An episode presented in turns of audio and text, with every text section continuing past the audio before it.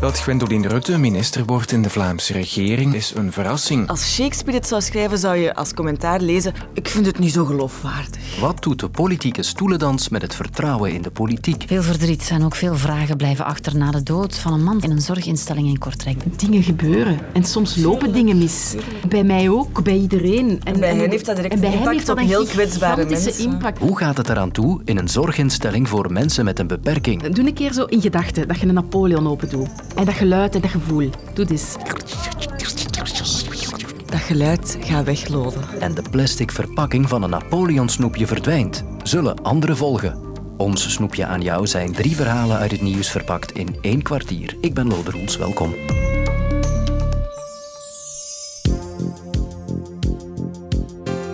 Op deze klassieker van Clouseau hoor je drummer Bob Savenberg aan het werk. Daar Hij is sinds vandaag Vlaams volksvertegenwoordiger. Dat heeft alles te maken met een ingewikkelde politieke carousel die op gang kwam. En om dat soort dingen uit te leggen kan ik rekenen op de gele post-it briefjes van collega Katrien.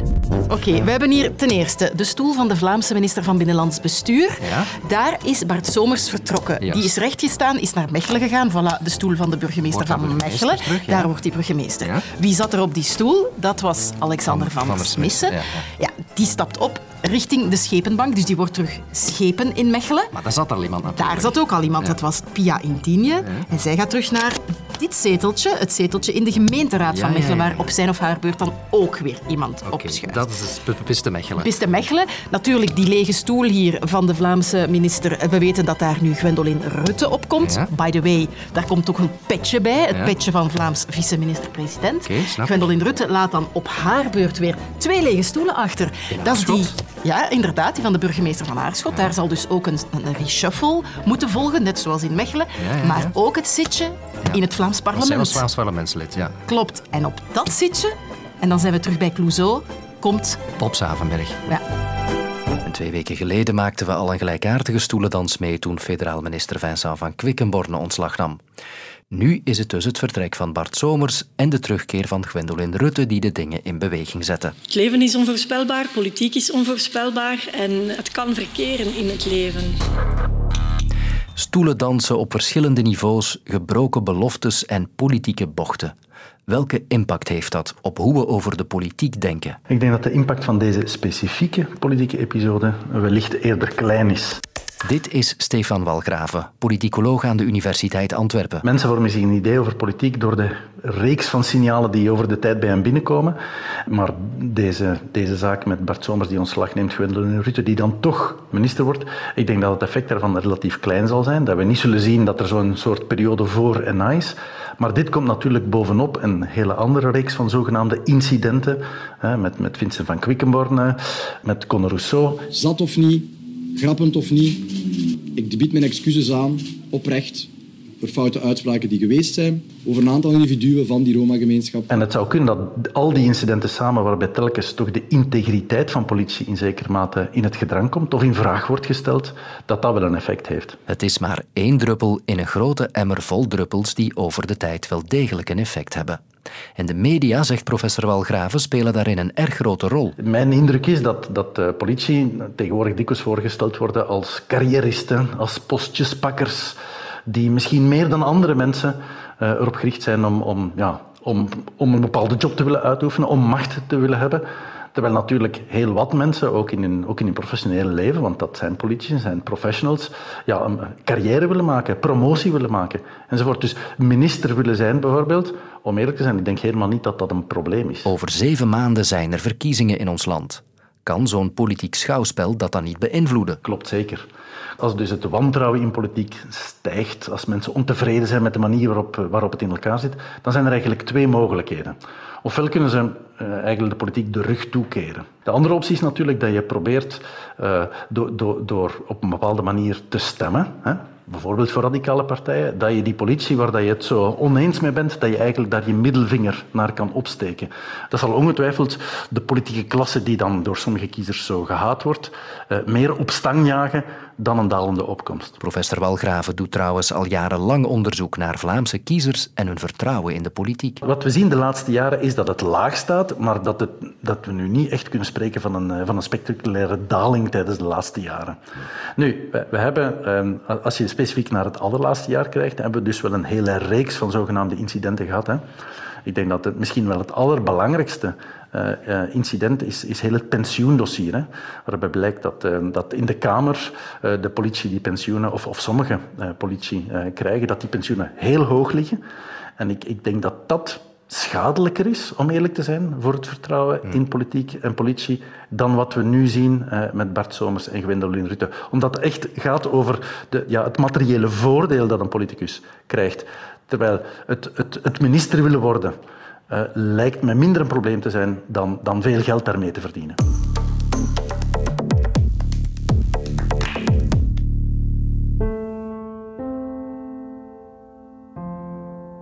Eerst en vooral is de familie overmand door verdriet. Uh, wij ook.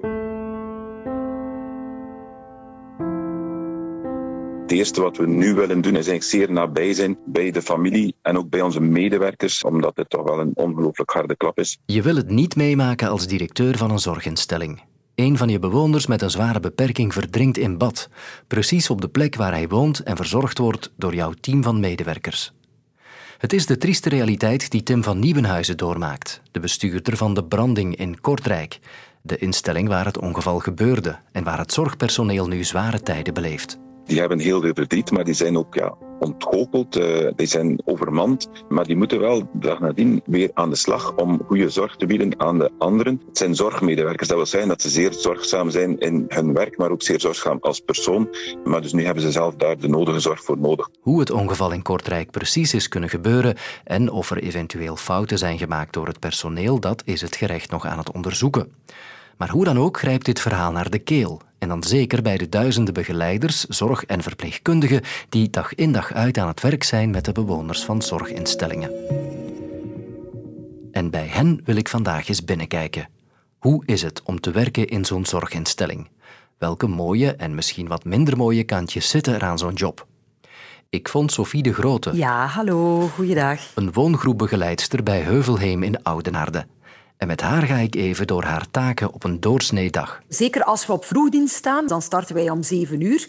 En dan beginnen wij eigenlijk inderdaad met, met uh, de mensen uh, op te roepen, de mensen te begeleiden naar de maaltijden. En dus eigenlijk ja, zorgen dat ze helemaal in orde zijn, klaar zijn. Wassen, aankleden, ontbijt gehad hebben, medicatie gehad hebben, jassen aan, tanden gepoetst, uh, hier en daar iemand scheren, haren kammen, de was wegbrengen naar de wasseretten. En ondertussen zijn wij natuurlijk ook dan al druk in de weer met alles klaar te zetten voor het avondmaal eigenlijk, voor de avondsituatie. Het is ook wel soms een beetje puzzelen en een beetje zoeken. Maar de reden waarvoor dat ik hier werk en de reden waarom dat hier eigenlijk allemaal draait, is echt wel de cliënt. En die staat centraal en die heeft inderdaad heel veel praktische vragen en, en heel veel lichamelijke zorg. Maar die, die heeft ons ook wel echt nodig op vlak van nabijheid en op vlak van, van gesprek en interactie. En ik maak daar wel een punt van, al is het bij sommigen misschien maar een keer één of twee minuutjes per dienst, om toch alle dertiende cliënten uh, even gezien en gehoord te hebben. Natuurlijk, inderdaad, de, de mensen hier bij ons op het verdiep worden iets ouder. En sommige mensen hebben dan echt wel wat, wat meer praktische zorgen nodig. Dan letterlijke heffen, tillen, draaien, keren, um, in bed, uit bed, uh, naar het toilet en zo. Denk de laatste drie jaar is dat toch wel waarger geworden of was zwaarder geworden. En dat word je wel gewaar op het einde van je dienst, ja. Dat is een indrukwekkend pakket aan taken en verantwoordelijkheden.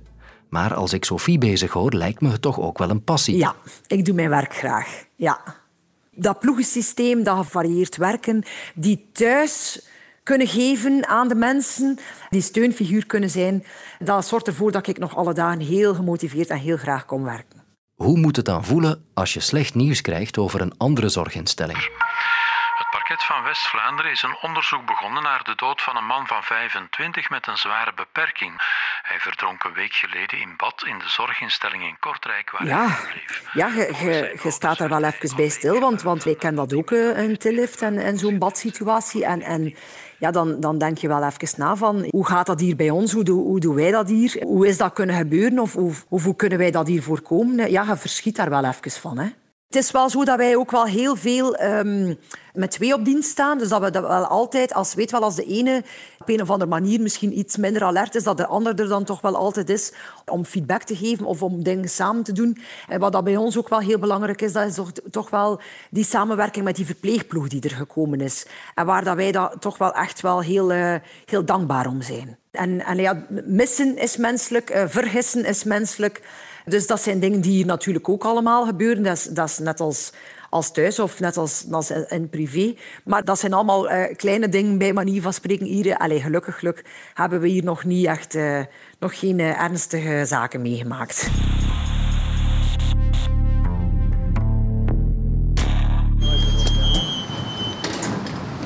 Alright.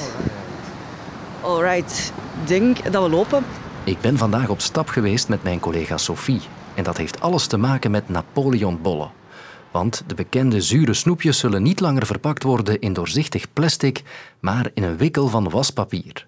Ah ja, want minder plastic, zo klinkt het, dat is beter voor het milieu. En dus trokken Sophie en ik naar een kleine supermarkt vlakbij de VRT, op zoek naar die Napoleonbollen en naar plastic en naar andere verpakkingen die op straat beland waren. Ik zie sigarettenpeuken overal liggen en een beetje honden, Een klein drolletje. hondendrolletjes zien. Maar ik moet zeggen, de eerste 200 meter valt het best mee buiten die sigarettenpeuken. Ik had het erger verwacht.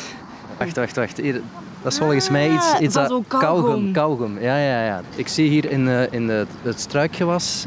Dit ga ik wel vastnemen. Dit, is, eh, dit zijn van die ehm, papieren zakdoekjes. Dit is verpakking van papieren zakdoekjes. Ja, plastieke Ja, ja. Ah, hier, kijk. Dat Ah, is ja. ook weer...